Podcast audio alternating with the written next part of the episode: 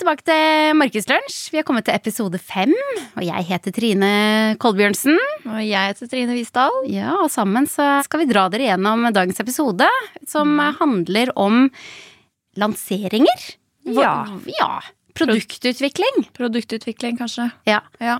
Det er eh, mye vi kan bidra med inn i det som eh, markedsføres. Vi hadde lyst til å snakke litt om det, fordi når vi er ute hos kunder, så har vi vel eh, begge to og våre kollegaer også snakket en del om at vi kommer litt for sent inn i prosessen ofte. At vi kommer inn når ting er ferdiglaget og vi gjerne skulle ha vært med litt før, for vi har så mange grep vi kan bruke, og så mange ting vi kan bidra med inn, sånn at man faktisk sikrer et skikkelig godt produkt og en god produkt- eller tjenestelansering eh, når det kommer så langt i prosessen. Mm. Og så er det jo sånn at vi ser jo for oss nå at eh, kanskje det er en tid hvor dette kommer til å, å skje ut hos mange selskaper. Ref alle episodene vi har hatt i år om at det er mye som skjer i markedet. Så er det jo nå man eh, tar steget tilbake. Eh, kanskje som markedsfører lurer på skal jeg gjøre noe med kanalstrategien min, skal jeg gjøre noe med målgruppene mine? Og så kanskje man rett og slett må gjøre noe med selve produktet. Ja, for det er jo en del ting som skjer nå. Ref igjen, som du sa, alle episodene vi har snakket om i år. Folk får mindre å rutte med. Renta jo, gikk jo opp enda en gang nå. Eh, Det er trangere tider. Digitalisering og bærekraft er definitivt fortsatt på agendaen. Har vært det i mange år, men eh, det er fortsatt veldig relevant. Det kommer eh, behov for nye produkter og tjenester, og man må omstille seg som selskap. Eller veldig mange selskaper må omstille seg ganske fort. Og da bør man jo ha noen tanker om hvordan man skal jobbe med det. Ja, Absolutt. Hvis vi skal starte med litt eh, sånn som du har, da. Behov endrer seg. Behovstriggere. Ja, behovstriggere var et ord vi fant på. Jeg syns egentlig det var ganske bra ord. Hva er det som trigger behovet for nye produkter og, tjenester? tjenester? Det, det forhatte ordet pandemi kom jo veldig sånn opp i mente her. Nettbutikk, klikk og hent, få leveranser hjem ble kjempeviktig. Helt hjem, rett på døren. Altså det er en del ting som skjedde under pandemien som var både trigget av behovet med at vi var mer hjemme, vi kunne ikke gå så mye ut, alt var stengt, etc., etc. Men det var jo også denne digitaliseringen som lå i bunn, som jeg tror også var en sterk eh, Altså vi var veldig modne for å få bedre tjenester. Mm.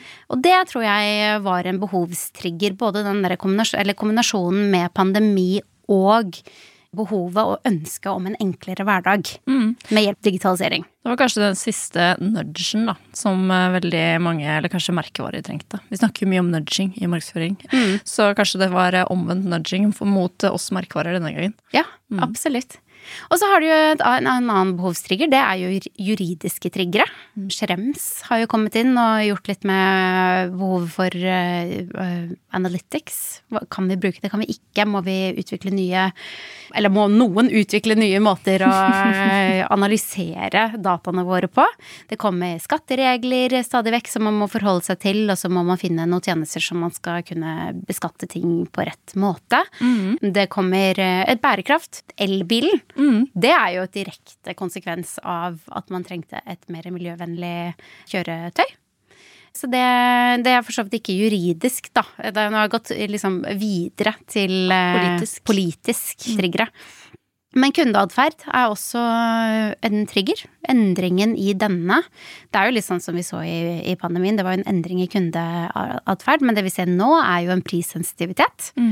Ja, folk velger jo nå eh, den billigste versjonen av en matvare, for eksempel. Eh, mye mer private labels. Mm. Jeg var faktisk på Norefjell i helgen med en eh, merkevarebedrift innenfor eh, dagligvarehandel. Eh, der var det veldig mye snakk om det her, fordi eh, de merker jo veldig konkurransen fra da private labels. Og så ble det diskusjon rundt bordet. Hva er det man har begynt å kjøpe nå, som man før kjøpte på en måte merkevaren av?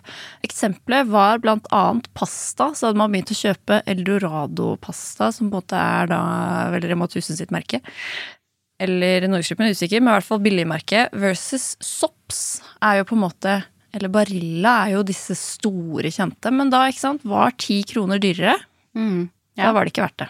Nei, nei. Det er eh, man må, Det må være verdt det for å, å kjøpe opp. Og da, hvis vi skal eh, koble alle disse tingene til episoden hvor vi snakker om lansering og produktutvikling, da må man kanskje innenfor matvare passe på at man har produkter som folk kan kjøpe, har lyst til å kjøpe, og som er enten verdt de ekstra kronene, eller som eh, er i den prisklassen mm. som folk ønsker å kjøpe i nå. Så det er jo en sånn behovstrigger man ser på. Litt sånn steg tilbake til digitalisering som vi allerede har snakket litt om, men mm, iPod, det har kanskje ikke du lenger, Trine? Nei, jeg var faktisk aldri kul nok til å ha det heller. Nei, nettopp. Eh, hva med CD-spiller eller Diskmann? Eh, nei. nei. VHS har du kanskje heller ikke. Nei. nei. Altså, alt dette har jo blitt digitalisert. Så det ble et behov for å få produkter som var eh, lett lettere å mm. ha med seg rundt omkring og håndtere. Og med inntog av iPhone og smartphone så ble det et helt annet behov for denne type eh, mediekjøp, eller mm. mediebilde. Eh, bærekraft. Mye større behov for miljøvennlige produkter. Vi har allerede snakket om elbil, Tesla f.eks. Men vindmøller istedenfor Det er kanskje å si istedenfor, men i tillegg til olje energi. Mm. Det skjer masse produktutviklinger her. Mm. Men hvor er det egentlig vi kommer inn i det her? Vi som markedsførere, ikke deg som Trine og meg som Trine. Nei, altså jeg tenker eh, det er jo nå man på en måte kanskje må teste markedet litt, da og se produktene du er eh, ansvarlig for.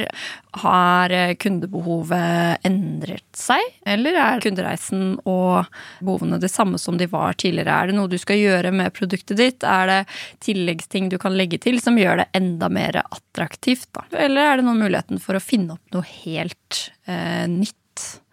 For å på en måte finne ut av dette, så kan man jo enten da gjøre disse klassiske analysene. Altså du kan gjøre en, en driveranalyse, en driverundersøkelse mot uh, dine målgrupper. Men altså Det kan jo koste mye penger og være ting som folk ikke har råd til.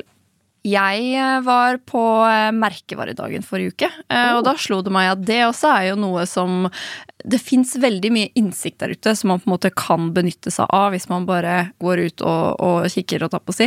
Det fins jo Alle media har jo annet Forbrukerundersøkelsen 2023 som de oppdaterer flere ganger i året.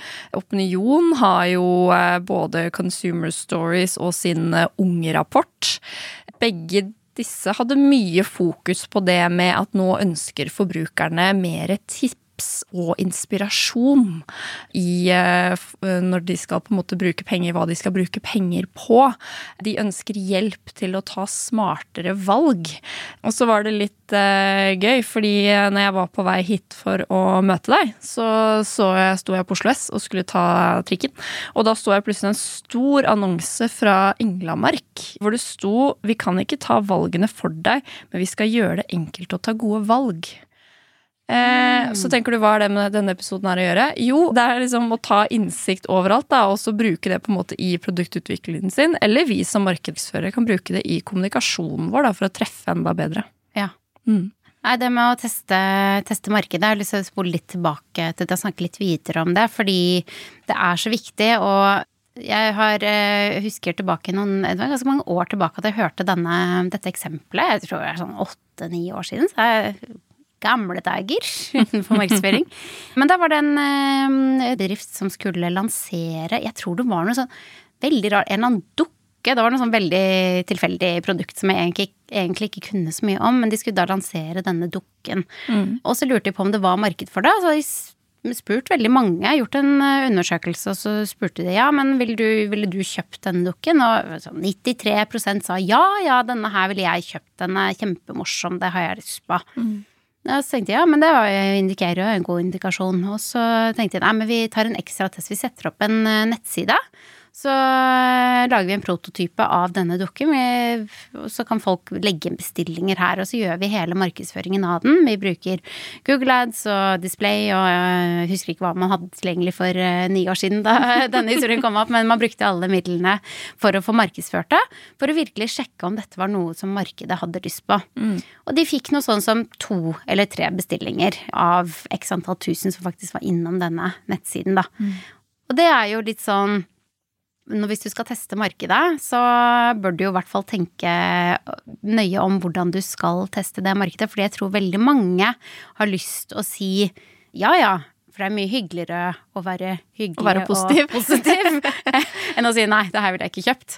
Og det syns jeg var en sånn fin måte Tenk på flere ganger at det er en veldig fin måte å teste eh, en prototype på. Mm. Og så kommer jeg på en annen måte som veldig mange tester markedet på, er crowdfunding, eller kickstarter. Mm. Man ser hvor mange som faktisk har lyst til å, å gi penger for å utvikle dette produktet. Altså får du masse penger, så er det kanskje liv laga. Så har man tro på det. Ja, ja. Får du ikke penger, så da bør du kanskje finne deg en annen forretningside.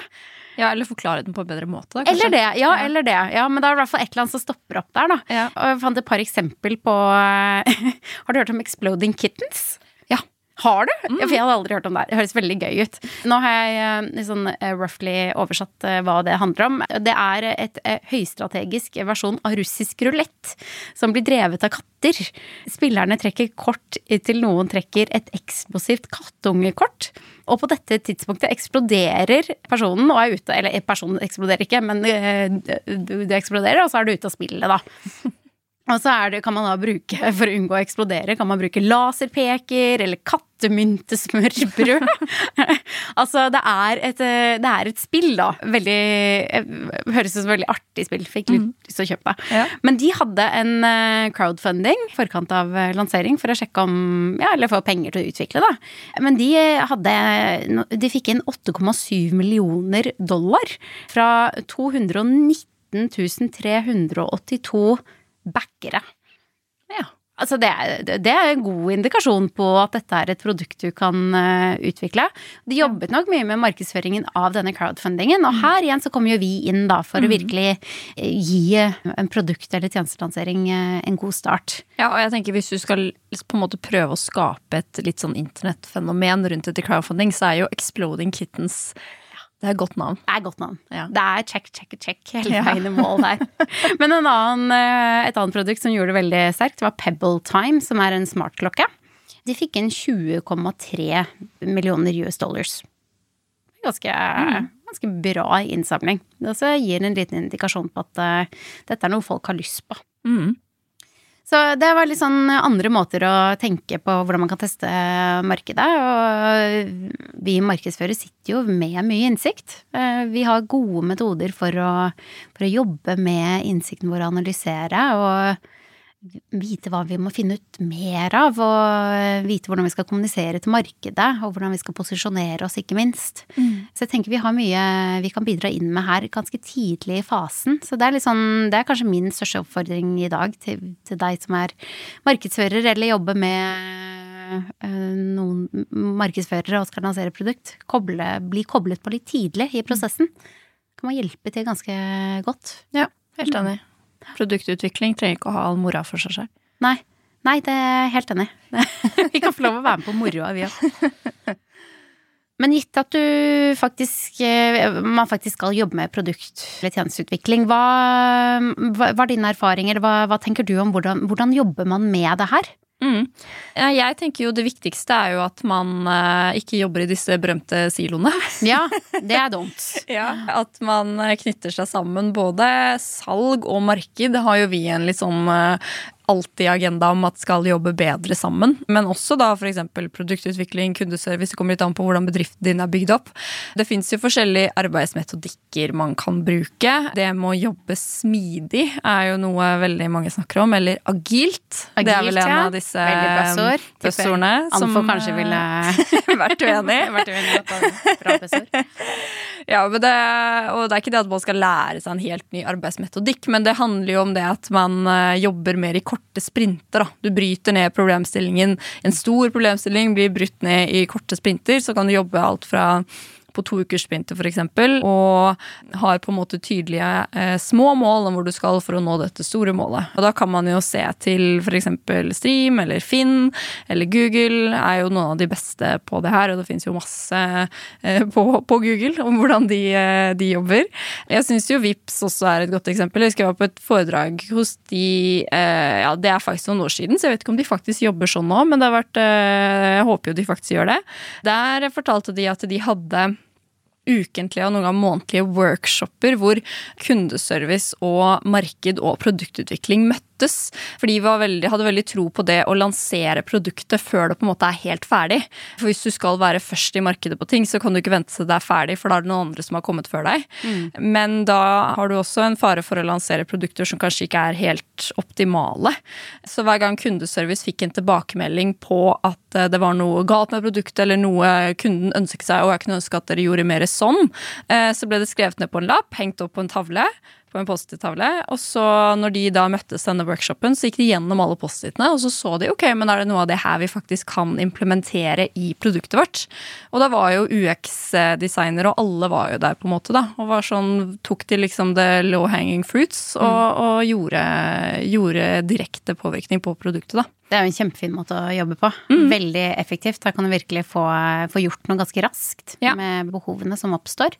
Ja, så jeg tenker jo hvis man nå er i en uh, markedsavdeling da, tenker hm, kanskje vi burde se litt på våre produkter vi kan gjøre, så handler det jo kanskje om å, å, samle de forskjellige fra de forskjellige avdelingene. Hvem hos dere er det som er ute og prater egentlig mest med kundene hver eneste dag? Ok, kan vi dra noen læringer inn der og se om det er uh, små ting vi kan gjøre, da? Ja.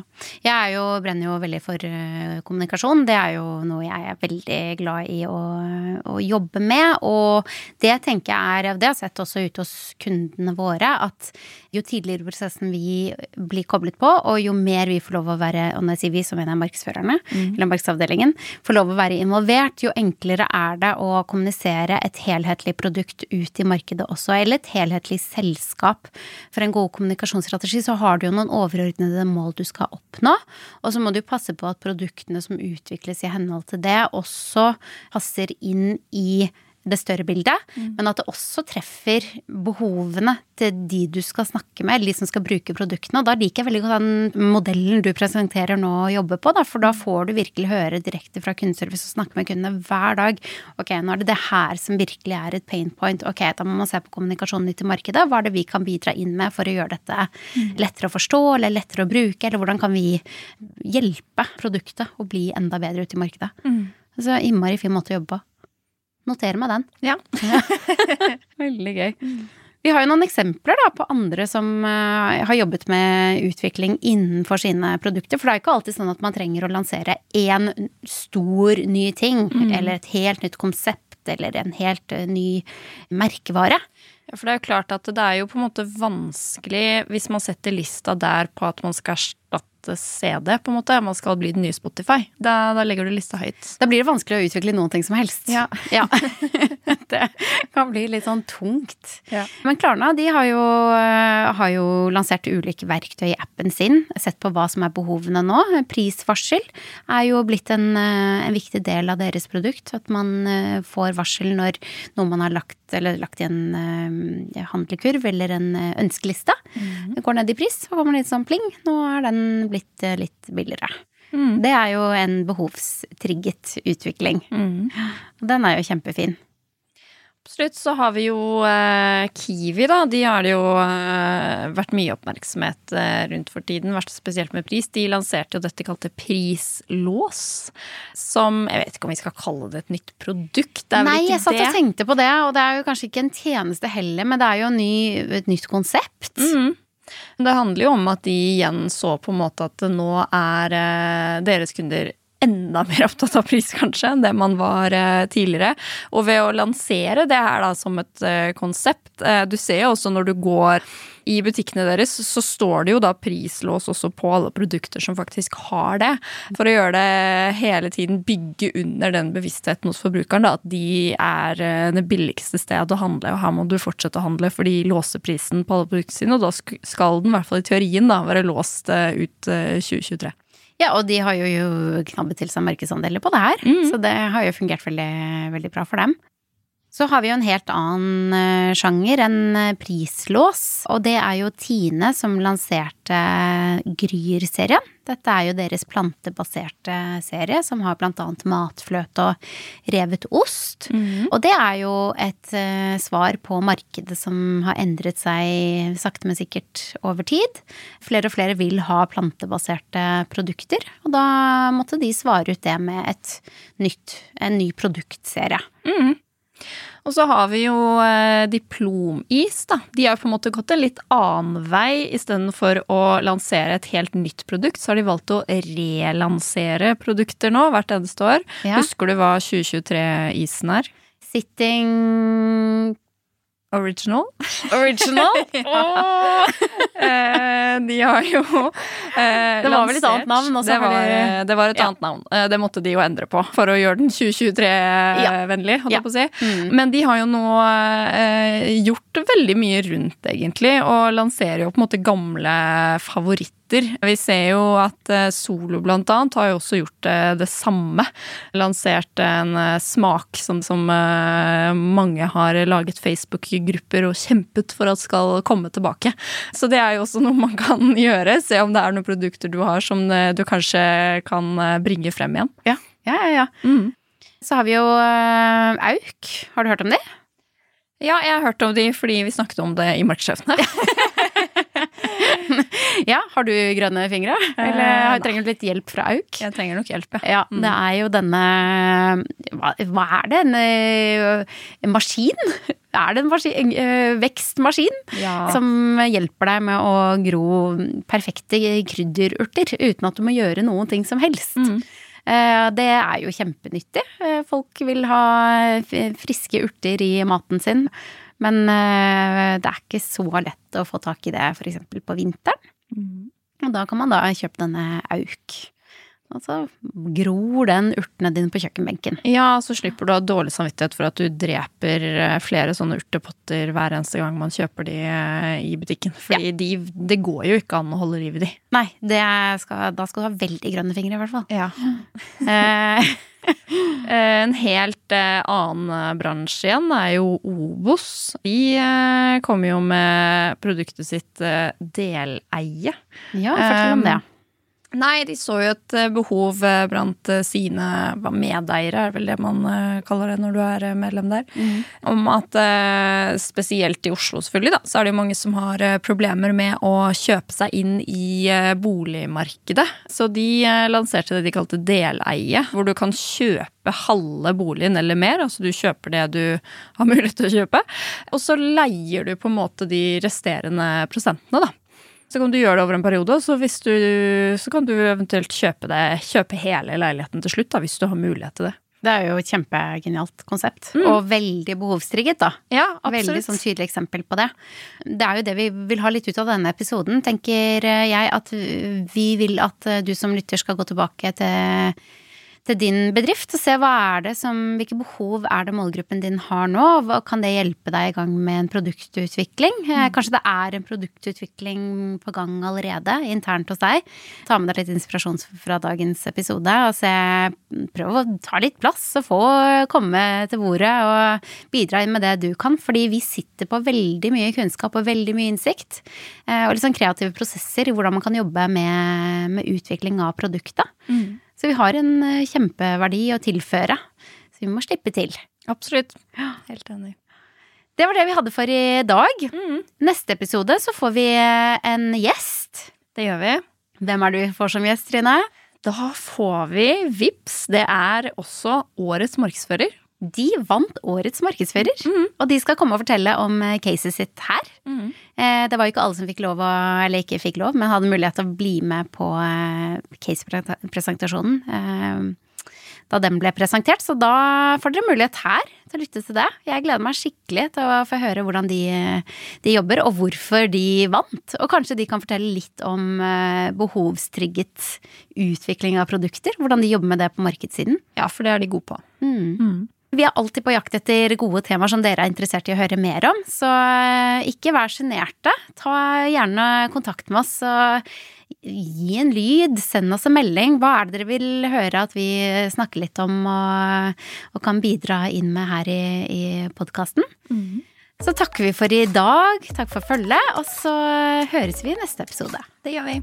Ha det bra. Ha det bra.